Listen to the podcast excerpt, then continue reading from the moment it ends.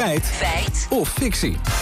Ja, gaat vandaag Lammert over borstkanker. Ja, oncoloog en oncologisch chirurg Marjolein Smit van het Maastricht UMC vertelde gisteravond in het radioprogramma Langs de Lijn en Omstreken dit over borstkankerpatiënten. Ik ben zelf bijvoorbeeld borstkankerchirurg. Uh, we kunnen nu wel uh, zeg maar zeggen dat 4000 patiënten van de 16.000 die dat per jaar zien, dat is leefstijl gerelateerd. Oké, okay, 25% van de borstkankergevallen leefstijl gerelateerd. Ja, best veel hè. We hebben daarom eerst maar eens gebeld met Cristina Guerrero Paes, voorzitter van de Borstkankervereniging Nederland. Zij vertelt dat vrouwen de oorzaak vaak bij zichzelf ook zoeken. Wat we wel bij borstkanker echt horen is dat vrouwen het zichzelf vaak heel erg aanrekenen en denken: heb ik nu iets gedaan waardoor ik nou ja, de kans op borstkanker vergroot heb of niet. Dus dat, dat is juist iets wat we merken, dat vrouwen de neiging hebben om wel wat meer te zoeken van had ik iets anders moeten doen en heb ik iets verkeerds gedaan.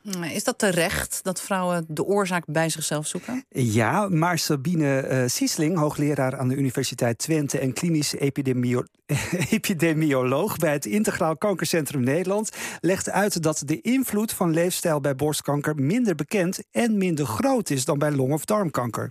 Roken bijvoorbeeld en, en longkanker, ja, daarvan is wel heel erg duidelijk aangetoond dat dat echt uh, een oorzakelijk verband heeft. Dus als je echt rookt, dat daar een veel grotere kans is dat je longkanker krijgt. En nou, dat lijkt ook ja, makkelijker te begrijpen, omdat je ook rookt en dat dat met de longen te maken heeft. En dan is het toch vaker wat onbekender dat roken ook wel invloed kan hebben op uh, borstkanker. Ja, roken heeft dus invloed. Dus ik vroeg Siesling naar de precieze relatie tussen borstkanker en leefstijl. Leefstijlfactoren als risicofactoren voor borstkanker, dat kan zeker oplopen tot 25 procent. Uh, belangrijke risicofactoren zijn inderdaad uh, de, het overgewicht, het gebruik van alcohol, ook roken speelt een rol. En, uh, en daarnaast zijn er factoren die een rol spelen uh, waar je mogelijk iets minder invloed op hebt. Dat is het geven van borstvoeding als dat lukt.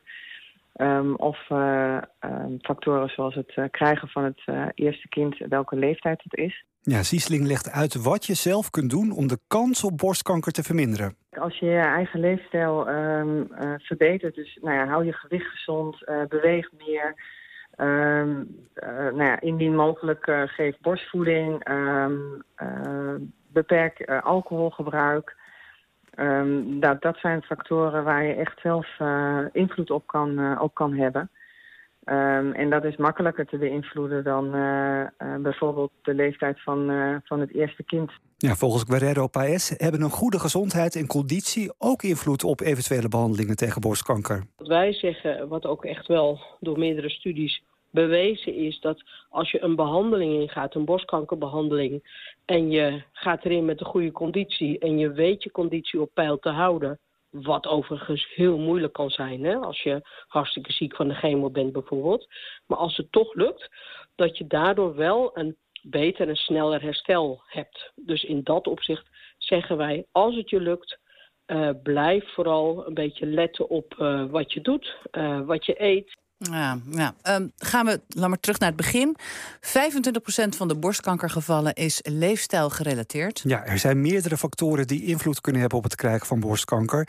Leefstijlgerelateerde factoren zoals slecht eten, roken zijn inderdaad goed voor een kwart van de gevallen, dus het is een feit.